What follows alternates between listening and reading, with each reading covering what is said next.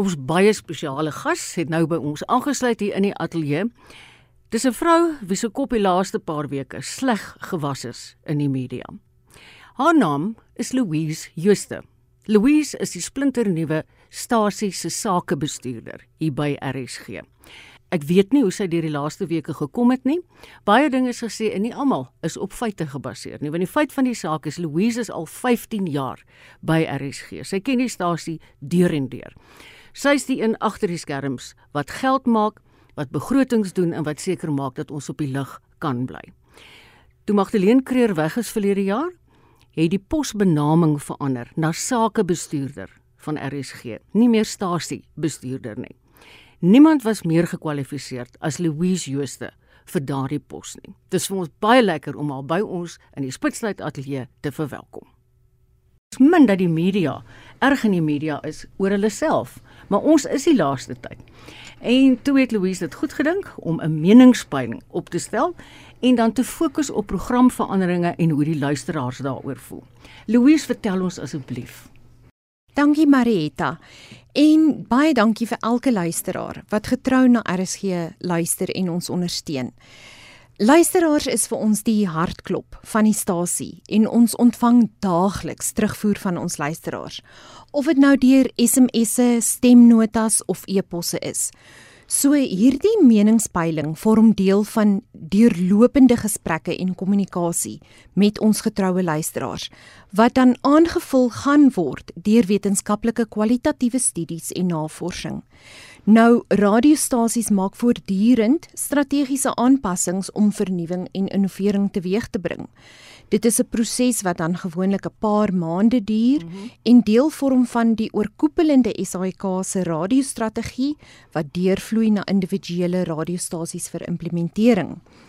Nou meningsopnames en luisteraars terugvoer word dan gedoen om 'n luisteraar se belangstelling en algemene verbruikerspatrone ook te bepaal. Dit gee dan vir ons 'n goeie aanduiding van 'n luisteraar se behoeftes en dra by tot doelwitte wat gestel word.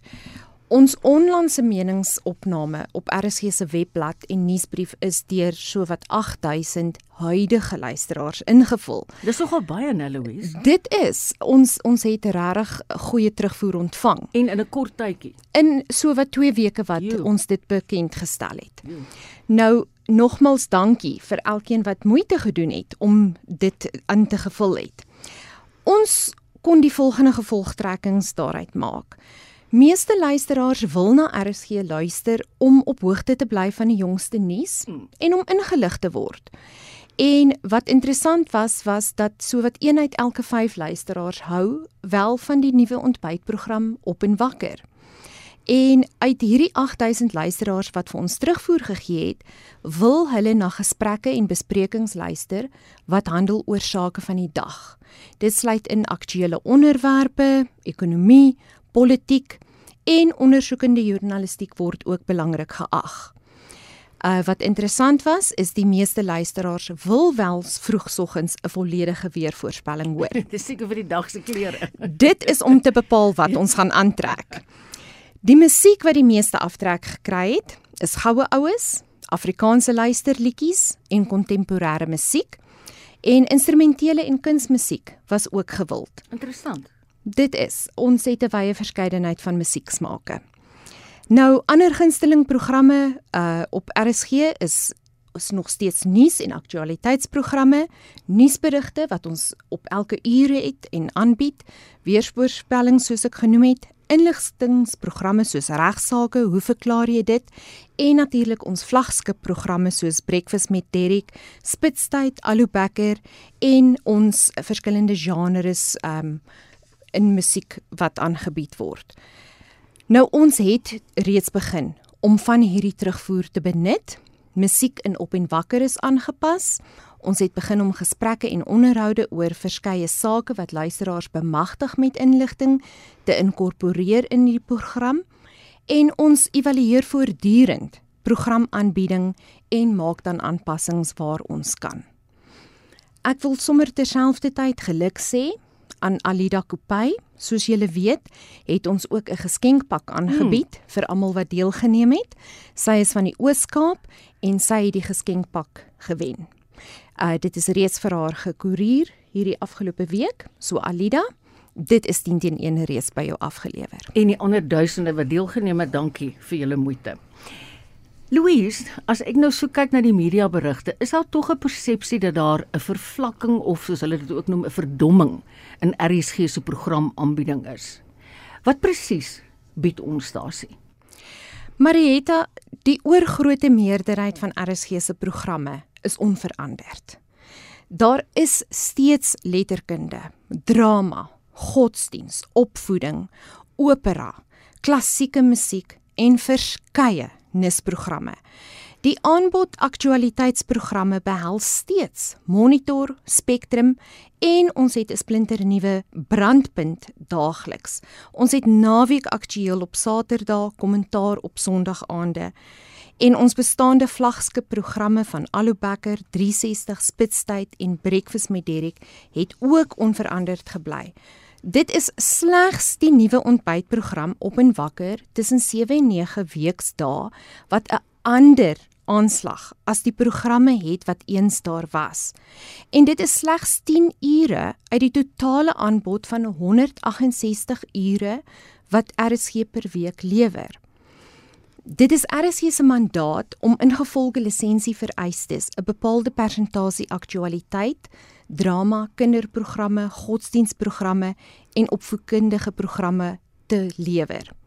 Nou RSG voldoen aan al hierdie vereistes en in sommige gevalle oorskry ons dit spesifiek in nuus en aktualiteit. Hmm. En daarbenewens is daar talenisprogramme wat oor jare en selfs dekades steeds gewild en geliefd is waar daar geen veranderinge aangemaak is nie.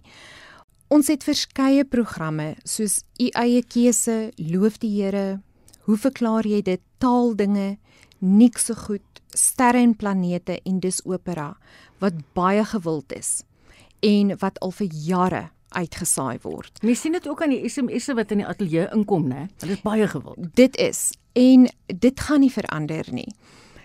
In die week het ons literêre programme soos RSG Kuns, Vers en Klank en kortom, ons skrywers en boeke is baie gewild. Donderdag aande is 'n juweel met afwisselende seisoene van dokumentêre reekse en radioteater. Dis waar, net die mense hou baie daarvan. Dit is baie gewild. Mm. En ons het nou 'n derde boekvoorlesing jo. wat ons ingestel het. En dit is bo en behalwe die middagvervolgverhaal weekdae en 'n mini vervolgverhaal wat 3 dae per week uitgesaai word. So hierdie aanbod is onveranderd. En as 'n vertroude Afrikaanse radio handelsmerk, gaan RSG nie veranderinge maak wat nie die belange van die luisteraar weerspieël nie. Ek dink is ook maar klein bietjie van mense is geskok, hulle moet nou aanpas. En op 'n plek kan ek hoor julle musiek het baie verbeter in Openbakker. Ek geniet daai musiek. Dis regtig vir my baie lekker. Ek dink ook jy mens moet 'n gedagte as 'n omroeper skielik in 'n groep moet uitsaai, dis baie moeiliker. En in die tweede plek, hulle begin mekaar vind. Jy weet, dis soos hy ou trui, die vorm van jou lyf begin aanneem. So ek dink ons gaan daar kom. Hulle moet net Mens, bietjie mense gaan gewoond raak daaraan. Ja, en hulle moet ons net 'n bietjie geduld gee aan hulle kant. Jy het nou net nou verwys in jou antwoord na lisensies en mandaat. En tog, jy weet, ek dink dis wat luisteraars soms uit die oog verloor. Ons moet aan sekere dinge voldoen. Dis korrek, ehm um, Marieta. RSG het lisensievoorwaardes en ons het 'n redaksionele beleid wat bepaal dat daar 'n sekere hoeveelheid minute gelewer moet word aan verskeie programme en mm. genres mm. as ook 70% plaaslike musiek wat RSG moet vo voldoen. Ons word baie streng gemonitor deur Ukosa en daar's ook sekere standaarde wat ons uitsendings en inhoud aan moet voldoen. Ons word ook gemonitor deur die uitsaai klagte kommissie. So RSG neem inhoudslewering baie ernstig op. Ons wil inlig, ons wil opvoed en ons wil vermaak. Nou, ons het gepraat oor die musiek. En al verkies luisteraars byvoorbeeld goue oues van oorsee, moet RSG steeds daai 70% Suid-Afrikaanse musiek Ja, speel. Dis waar, né? Ja, so daar is die gewilde Sondag met Fritz, maar ons moet streef na daai balans tussen die lisensievoorwaardes en wat luisteraars se verwagtinge is. Dis baie baie waar. Nou, soos ek genoem het, kry ons deurlopende terugvoer van luisteraars en ons monitor dit of dit nou formeel en deur verskeie navorsing is wat gedoen word of deur mense se menings. Hulle is baie lief om SMS'e te stuur. Ons het ons WhatsApp lyn en ons word oorlaai deur die e-posse. Maar dit stel ons in staat om 'n gehalte aanbod vir programme te lewer en om 'n breë spektrum vir Afrikaans te stel. En anders as wat hulle dalk in die media berig, julle steur julle baie aan daai terugvoer. Dit is korrek. Um ons lees alles. Al kan ons nie altyd alles beantwoord nie, want dit gee vir ons insaag in mense se behoeftes en dit stel ons dan in staat Mm. om die programlewering te bied. Nou, ek wil ook noem RSG is ook baie, baie meer as net die 100 tot 104 FM. Daar's luisteraars wat ook via potgooi na der duisende van hierdie gehalte programme kan luister. Ons is 24 uur 'n dag beskikbaar wêreldwyd. En ons het ook van dese week vir die heel eerste keer 'n boekvoorlesing gratis op potgooi gelaai wat nooit vantevore beskikbaar was nie. So dit is 'n wonderlike winterbederf wat ons Ja. vir ons luisteraars bied. Want as jy daai as jy daai luisterboeke moet koop of uitneem, kos hulle nogal R3.50. Van geld gepraat Louise, dis in enige huishouding en dis ook hier by die RSG huishouding 'n baie sensitiewe saak. Gaan van hierdie skuwe dan nou net oor geld maak. Nou, so 'n paar weke gelede het die SAIK aangekondig dat hy sedert 2020 sy grootste verlies aan inkomste ooit aangeteken het. Meer as 600 miljoen se verlies. En hierdie verlies aan inkomste word toegeskryf aan krimpende luister- en kykergetalle oor al die SAIK se platforms. En hierdie dalings lei dan ook tot 'n daling in advertensieinkomste en die TV-lisensie inkomste het ook gedaal. En dit is dan ook 'n verlies aan inkomste van die 2020-21 boekjaar van 530 miljoen. Ja. So daar is Ja. ja. regtig uitdagings Hmm. vir ons by die SAIK.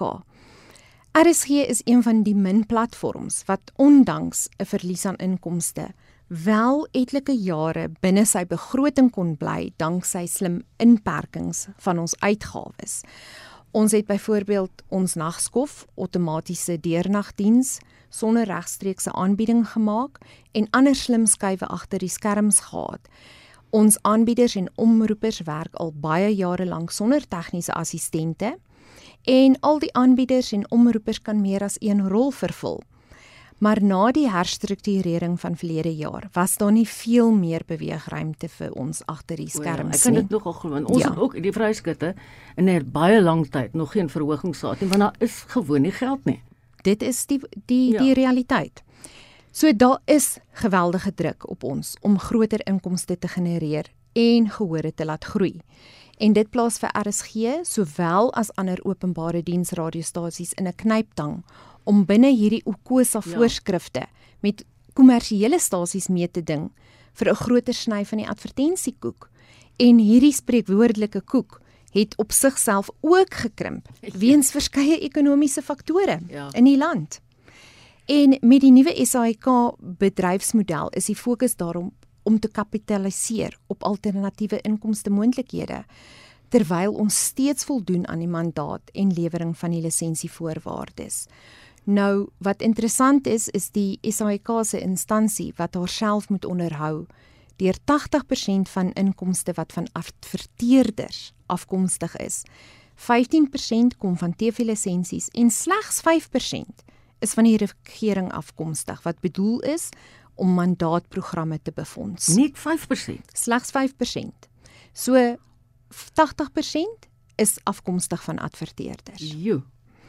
En dit gaan dan beteken dat ons voortdurend nuwe strategieë moet ontwikkel om ons aanbod te verbeter en inkomste te genereer sodat ons volhoubaar kan bly.